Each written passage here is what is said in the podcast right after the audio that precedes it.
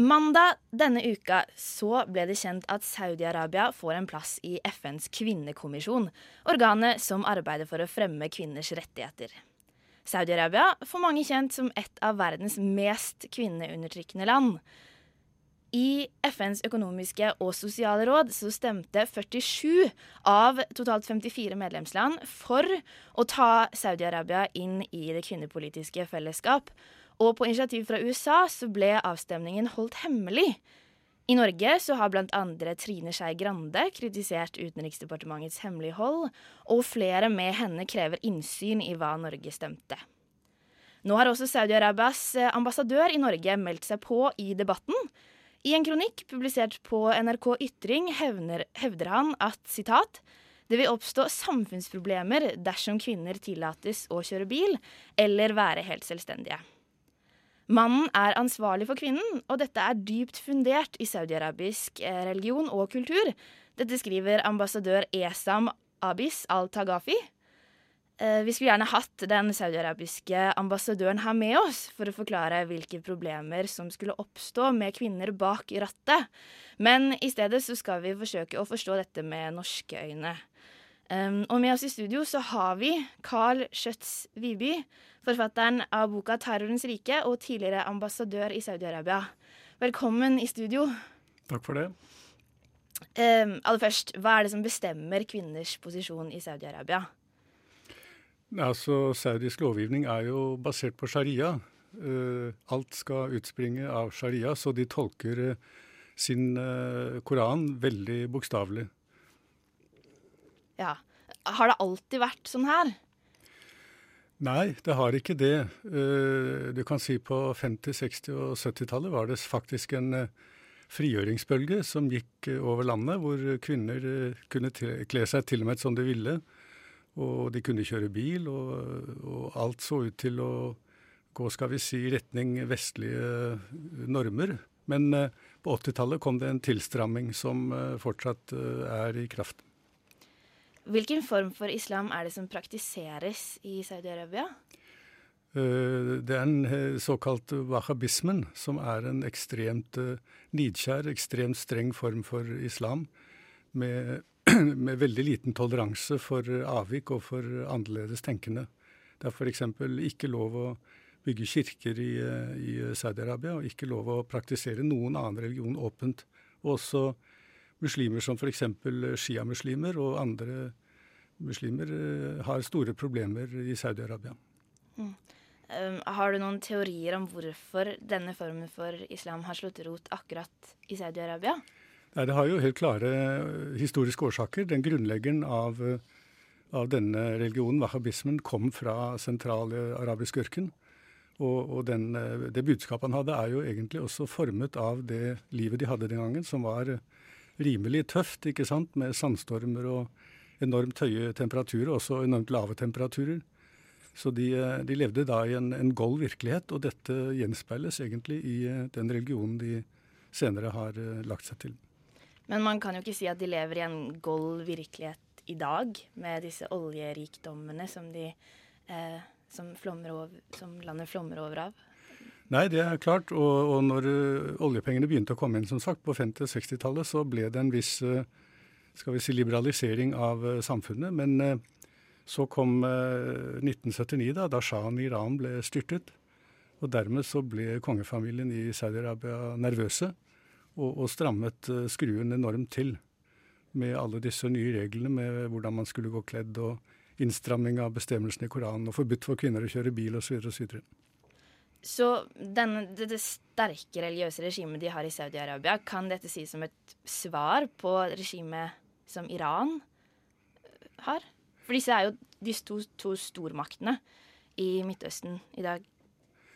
Ja, øh, jeg vil ikke si det sånn. Det er klart fiendskapet mellom persere og arabere nå, iranere og saudiere, den går langt tilbake, mange, mange tusen år tilbake. Øh, jeg vil si den tilstrammingen er mer et resultat av frykten for at de skal miste maktposisjonene sine, altså Saud-familien skal miste makten, og dermed de enorme inntektene som de har stor glede av. Det er det som ligger bak den innstrammingen, at de vil ha full kontroll på de radikale i samfunnet. Men eh, litt tilbake til det med kvinners rettigheter. Eh, I kronikken til ambassadør Esam Abis al-Tagafi så hevder han at saudiske kvinner flest eh, er tilfreds med egen situasjon. Og at det først og fremst er de vestlig orienterte unge saudi-araberne med utdanning fra utlandet som ønsker endringer. Majoriteten av saudi-arabiske kvinner er jevnt over fornøyde. Er det et inntrykk du deler etter fem år som ambassadør i landet? Ja, For så vidt har han et uh, godt poeng her. Det er klart at en, en kvinne som lever i et uh, ekteskap i Saudi-Arabia, er veldig beskyttet på veldig mange måter.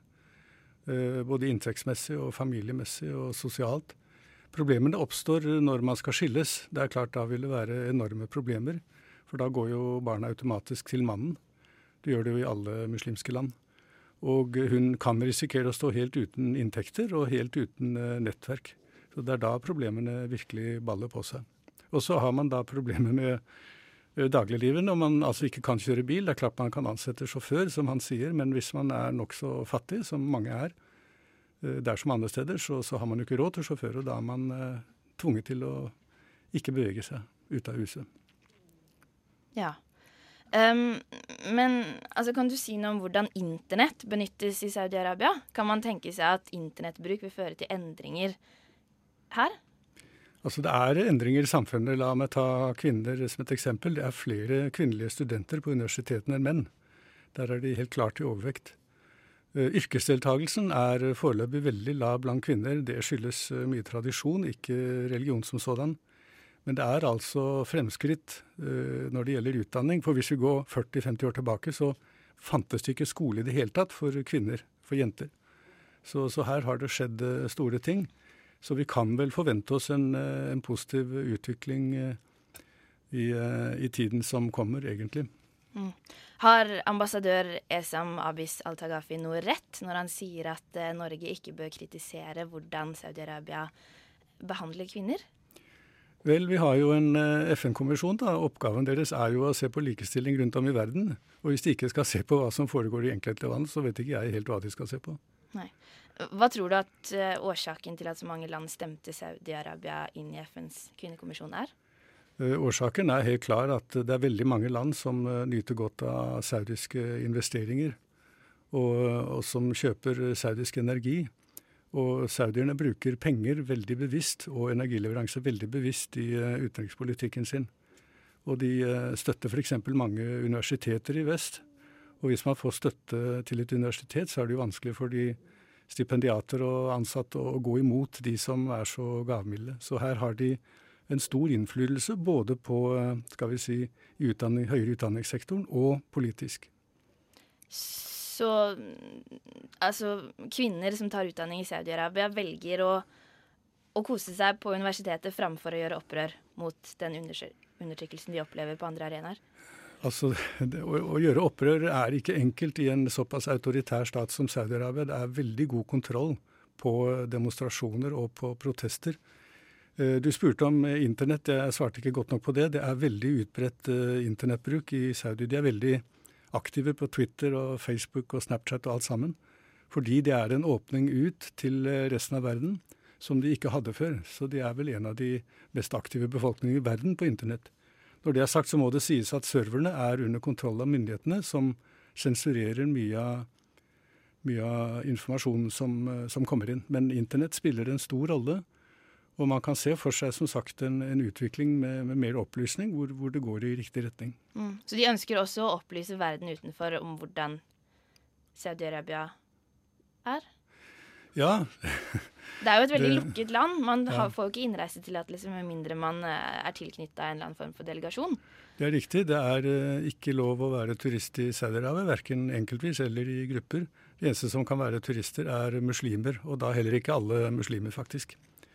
Så um, det er et ekstremt lukket land, og de kan nok ønske å fortelle hva som egentlig foregår. Ja. Og som sagt, det er ikke bare negativt. Det er klart det er triste ting som at eh, kvinner arver halvparten av menn, og en kvinnes vitnemål er bare halvparten av en manns, osv. Men eh, som sagt, det er også positive lyspunkter. Mm. Men som eh, denne saudi-arabiske ambassadøren påpeker på NRK Ytring, så trengs det veldig lang tid for å endre en kultur. men, men, det kan jo tenkes at, at man vil se endringer. Det åpner jo også han for i sin kronikk. Absolutt, det vil komme endringer. Spørsmålet er bare hvor fort de kommer, og hittil har det gått veldig langsomt. Ja. Det får bli siste ord i denne sammenhengen. Takk for at du kom i studio. Eh, forfatter av boka 'Terrorens rike', Carl Schjøtz Viby. Takk skal du ha.